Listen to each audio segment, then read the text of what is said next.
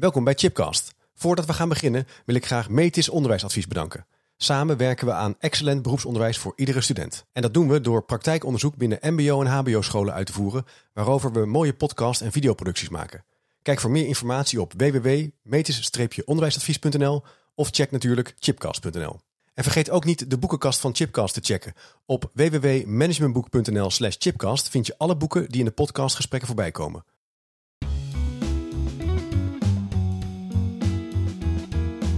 Gaan napraten na de podcast over gepersonaliseerd onderwijs. We zijn nog steeds op Goeree Overflakkee aangeschoven Ellen en Floor. Die hebben net erbij gezeten, Ja. een aantal studenten gesproken.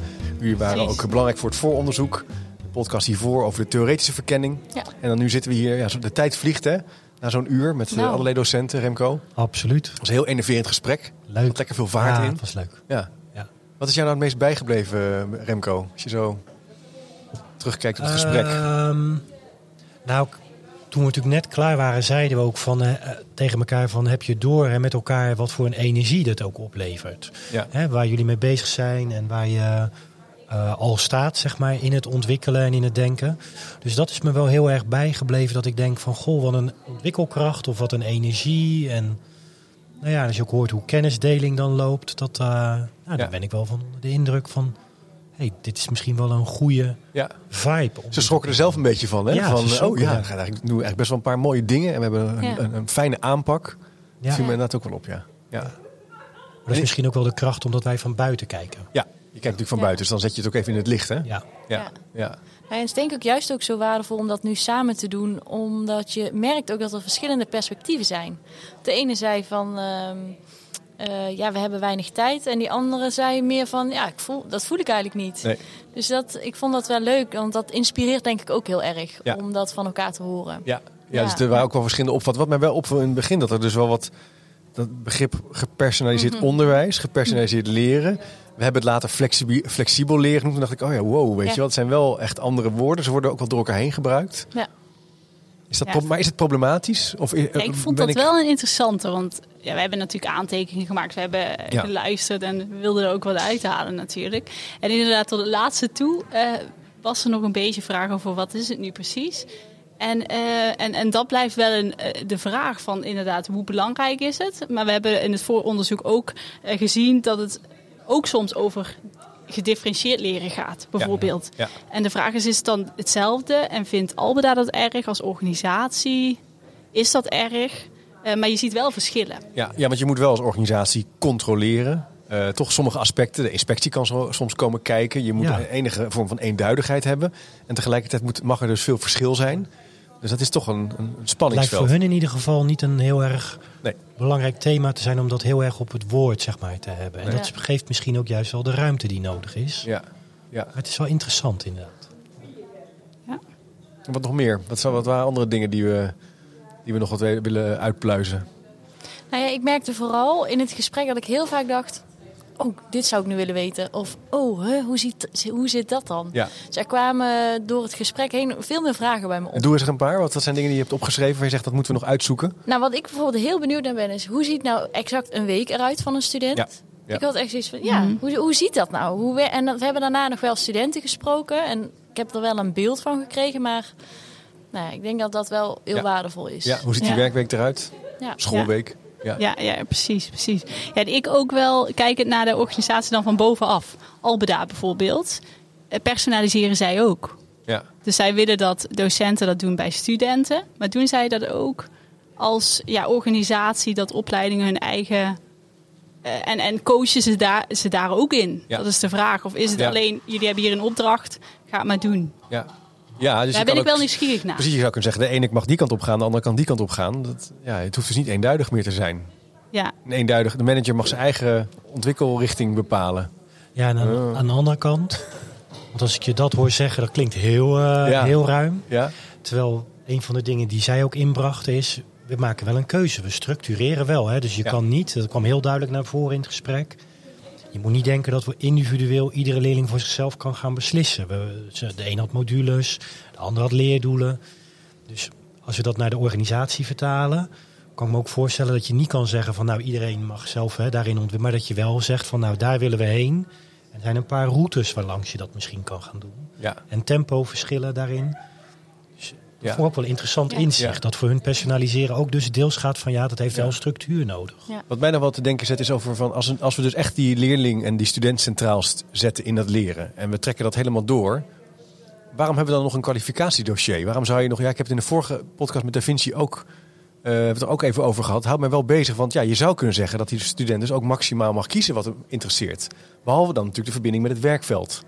Dus waarom, dus, Ja. dus hoe, hoe ver zou je daarin kunnen gaan? In, Maar ik in had ook wel als opmerking ook opgeschreven van hè, het beroep is heel erg leidend. Maar is het soms niet ook zo dat je als opleiding voorop moet lopen op het beroep?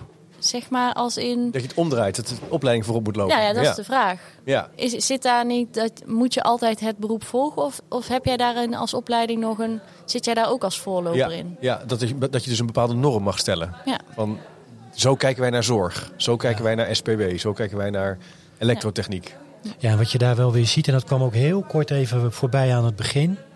Dat als je met zo'n breed basisjaar werd dat genoemd. En dat het daar dan ook wel weer de kunst is van dat het herkenbaar moet blijven voor de student. Dus wat je zegt, hè, dat snap ik. En daar zou je zeker naar kunnen kijken van hoe ver, eh, waar liggen die grenzen. Ja. Maar voor mij ligt er een, is de ervaring, of in ieder geval het beeld wat ik ook vaak terugkrijg, is het moet wel voor de student iets zijn waarvoor die snapt waarvoor je wordt opgeleid. Ja. En als dat iets conceptueels zou zijn, weet ik niet zeker of dat Nee, werkt. Dus, nee. maar goed. Ja. Ja. Dat brengt mij wel op een ander punt nog. Is de vrij grote aandacht in taal voor onderwijskundige termen. Als het gaat over gepersonaliseerd leren. Het is wel, het is wel flex- flexibilisering, gepersonaliseerd. En een, een, een student of een leerling of een VMBO... Ja, die, die wil gewoon eh, naar school toe. Ja. En een vak. En dan later bijvoorbeeld een banketbakker worden. Ja. Eh, Ja. of Ja. die zegt, en en dat, dat slaan we niet soms een beetje door in de onderwijskundige termen. Ik vind het wel mooi, want wij begonnen dit gesprek ook weer met de termen. Dus blijkbaar leeft het voor het is ons, wel vak echt. ook, hè? Ja. Ja. Ja. Ja, Ja. ja. Ja, precies. Alleen de vraag is in hoeverre is het relevant voor die student? Ja. En zijn we daardoor niet soms heel vaag? Want wij spraken inderdaad studenten. En eentje van, eh, van die studenten die gaf aan... ja, blijkbaar kon ik ook versnellen. Maar dat wist ik niet. Dat is ons wel verteld ergens aan het begin. Maar ja, Ja. Dat- Als ze niet helemaal door. precies, precies. Dus in hoeverre kun je overdragen als opleiding ook... wat precies de mogelijkheden zijn? Hoe doe je dat? Ja, dus het, het punt is dat je dus een beetje, eh, te, ja, dat je een beetje weg, wegdrijft van de essentie. En in Ja. je taal ook woorden gaat kiezen die wel, waar wij als onderwijskundigen en als vakprofessionals allerlei ideeën over hebben. Maar waar een leerling of een student van denkt, ja, zal Ja. wel Remco. Nou, het- ik denk in het algemeen, maar je noemde het net zelf al. Het is natuurlijk ieders vak. Dus dat is niet specifiek bij deze school, bij Albeda. Dat zie je in het hele land. Dat ik ook Ja. wel- we zijn goed in het gebruik van heel veel woorden of heel veel uitleggen. Ja, Eh, en inderdaad, de vraag is, moet je het niet heel erg versimpelen? Dat het heel helder is voor de student waar je aan begint. ja, Wat je mogelijkheden zijn. Dat klopt, dat herken Ja. ik. ja, dus dat is wel een punt. En is ook, ja, want je komt, als je niet uitkijkt, is het, wordt het soms ook echt semantisch. Hè? Dat gaf een van de collega's natuurlijk ook aan. Van ja, bij ons paste de term personaliseren niet meer. Wij zijn het flexibiliseren gaan noemen. Flexibel gaan noemen. Als we dat zeggen, dan krijg je bij spreken uit HBO-land de vraag... ja, maar flexibiliseren is iets heel Ja, anders. wow, ja, wat is dit? Terwijl als je iets doorvraagt, bedoelen ze waarschijnlijk ongeveer hetzelfde. Ja, maar je zou kunnen zeggen, bij de, je zou, dat heeft deze school dus niet gedaan. Maar je zou kunnen zeggen, ja, maar dat woord aanpassen mag niet. We hebben één woord. Ja, dat is ook Dat is, een- je dat dus niet zo. een- Hier is kan. dus ruimte. Ja, Mag je, maar dat kan ook wel verwarrend zijn. Als je kan dan weer verwarrend zijn. Ja. Eh, zit je in een MT-overleg of op een hijsessie en dan denk je van, hé, hey, Ja. ja. ja. Eh, inderdaad de doorschakeling naar MBO, HBO, ja. ook weer andere termen. Dus daar is dit wel wat ook in. wel een beetje soms trends. Hè. Dat heb ik wel het idee. Hè. Dat, dat een bepaalde woorden veel Ja, uitleg, veel naar voren komen.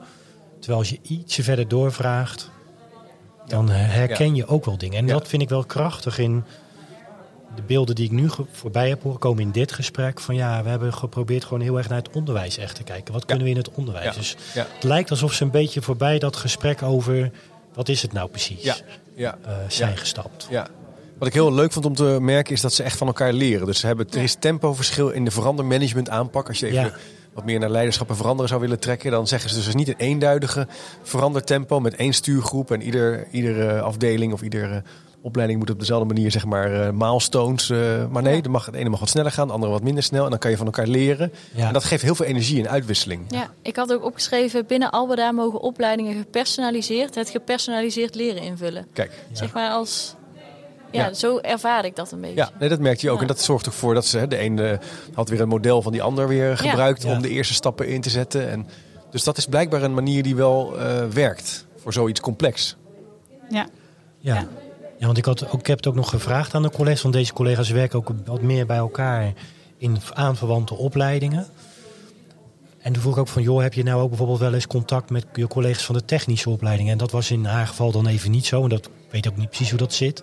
Maar ik dacht wel van, dat zou ook nog wel een kans kunnen zijn. Want dit lijkt voor hun heel goed Ja. ook te werken. Ja. Dus als je dat misschien wat groter maakt ook, doordat je over opleidingen heen of over Ja. colleges heen Ja. dit gaat doen, kan ook Ja. heel inspirerend zijn, denk Ja. ik, en lerend. Ja.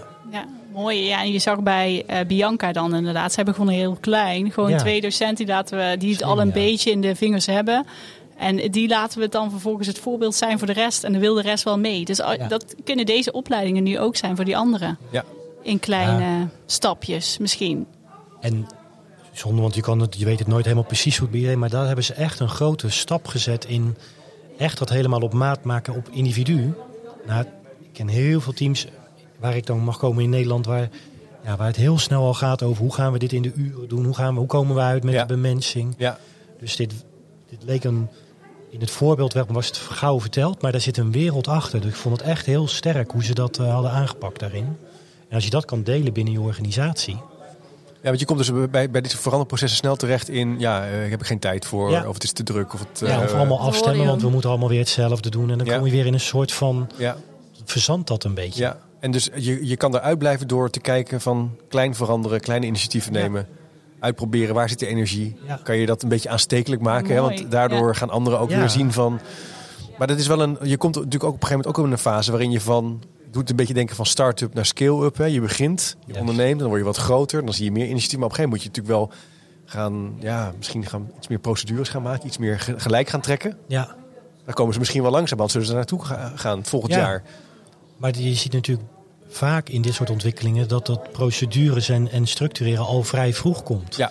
En het Ja. lijkt dat dat nu wat, wat ruimte krijgt. Dat, dat, er nog, Ja. dat er wat geëxperimenteerd Ja. mag worden. Waardoor je ook ja, ruimte krijgt in je werk. Doe me denken aan een gesprek wat ik eerder met Hans Vermaak heb gehad over veranderen in organisaties. eh, die ook het boek Leren Veranderen heeft geschreven. Waar die zei, ja, omvang versus diepgang. Dus grote trajecten kunnen wel, maar zijn vaak oppervlakkig. Eerste orde veranderen, diepgaand veranderen. Dus echt op een andere manier nadenken over onderwijs. Wat dit toch wel is. Ja. Kan eigenlijk alleen maar lokaal, klein, op de werkvloer. Ja. En kan niet klassiek worden aangestuurd. Want dan zit je eigenlijk te verder vanaf. Je ziet het niet, je snapt het niet als manager, als bestuurder. Dus je moet eigenlijk die ruimte krijgen. En dan moet je langzaam kijken of je kan opbouwen naar nou ja, iets meer vergroten. Maar dat is wel, het is ook wel lastig leiding geven hier aan. Want het is ook wel kwetsbaar. Nou ja, kijk, wat we nu ook in het gesprek niet heel erg verkend hebben, maar het werkveld moet dit ook kunnen. Ja, want waar ze vroeger wisten, we krijgen een stagiaire die loopt, dit, die loopt volgens dit pad en dit moet hij of zij leren, wordt dat eigenlijk wordt dit nu ook maatwerk. Ja. Hè, als je Ja. het voorbeeld van Bianca mag nemen. Dus ja, daar zit inderdaad ook als je het hebt over leiderschap of als team of als echte leider van, van de organisatie.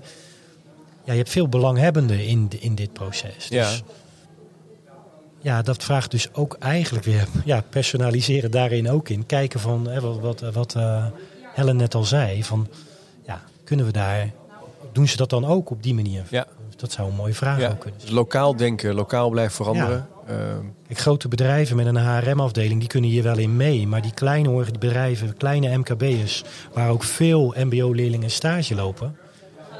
Die hebben niet altijd de tijd om helemaal met Nee. jou te gaan zitten van eh, hoe dat voor jou werkt. En hoe los je dat dan op? Ja, dat zijn gewoon Ja. vragen, daar moet je als team naar kijken. ja, Dat kun je niet van bovenaf inregelen, zeg maar. nee, nee.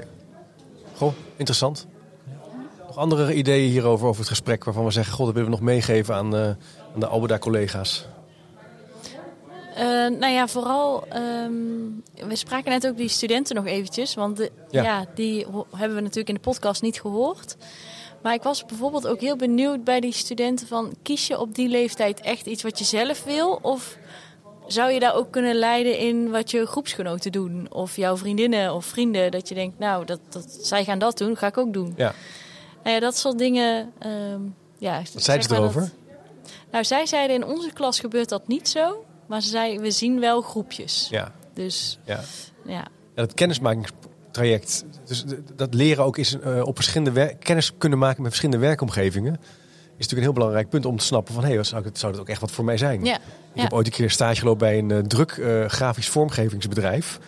In 4 HAVO. Nou, toen wist ik zeker daarna dat wil ik, ik wil dat nooit doen. Nee. Maar iemand anders was er heel enthousiast over. Maar Ja. als ik Ja. niet die kennismaking had gehad, dan eh, Ja. voor je het weet had ik eh, mijn vakkenpakket erop laten aansluiten of zo. Bij wijze van. Dus- Of, of dat je beste vriend dat gaat doen en dat je Ja. denkt, nou, dat, ik vind hem leuk, dus dan zal ik de rest ook wel Ja, leuk vinden. Maar doen ROC's daar genoeg in, denk je? Dat vind ik moeilijk om te zeggen. Ja. Ja, ik, eh, want ik denk toch, ik weet ook niet of je, dat, of je daar wel iets aan kan doen. In de zin van, denk dat het voor deze student, of het voor studenten in het algemeen ook belangrijk is om ja, de, wat de groep doet. ja. Ja, dat is ook een belangrijk onderdeel, denk ik. Ja, Ik weet niet of dat genoeg is op jouw vraag. Ik weet niet. nee. En de vraag is ook in hoeverre. eh, ja, het is belangrijk, maar misschien maken wij het als volwassenen met een.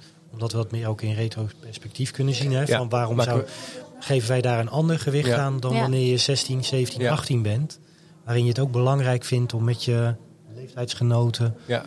Ja. Nou, wat in ieder geval duidelijk is, hier zit het VMBO met MBO samen. Dus Ja. hier zit die kruisbestuiving, Ja. is hier wel. Ja. En ik vind dat wel een soort, het roept een soort sfeer op. Ook als je beneden kijkt naar al die Ja. vaklokalen. Van hé, hey, daar wordt gewerkt, daar Ja. komen ze elkaar tegen. Ja. En dan kan je zien van hé, hey, dit is ontzettend wat voor mij. Of misschien zeg je van nou, dit is helemaal niks voor mij. Ja. En dat Ja. zou, die schakelmomenten tussen, tussen scholen zouden wel mogelijk versterkt kunnen worden. Er zijn Ja. natuurlijk ook middelbare scholen doen er ook wel eh, pogingen toe. Ja, pogingen voor. Ja. Maar misschien is het ook de vraag, want inderdaad, misschien op de- die leeftijd inderdaad kies je met je vriendje of vriendinnetje. Maar dan is weer bijkomstigheid dat je misschien uiteindelijk iets gaat doen wat niet bij je past. Maar ook daar leer je van. Dus Ja. de vraag Ja. is, Ja. dat is altijd de vraag. De, de, de keerzijde van gepersonaliseerd leren is dat we leren juist door in aanraking te komen met dingen die we moeilijk vinden of niet goed kunnen. Daar leren Ja. we juist heel veel van. Ja. Dus Ja. moeten, wat moeten we wegnemen en wat Ja. moeten we Ja. vooral behouden? Ja. Een ander punt wat, ik nog wel in, wat mij nog wel bijblijft, is misschien ook wel echt een zoektocht waar ik ook in de podcastserie naar op zoek ben, is dat verschil tussen coach en inhoudelijk expert.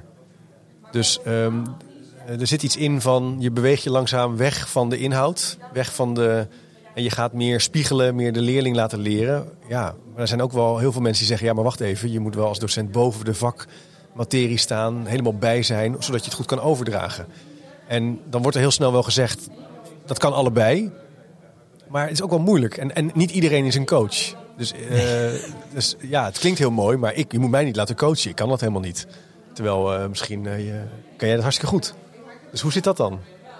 Inha- inhoud en, en coach zijn. Dat gaat ook over de professionalisering van docenten in, het, in het beroepsonderwijs.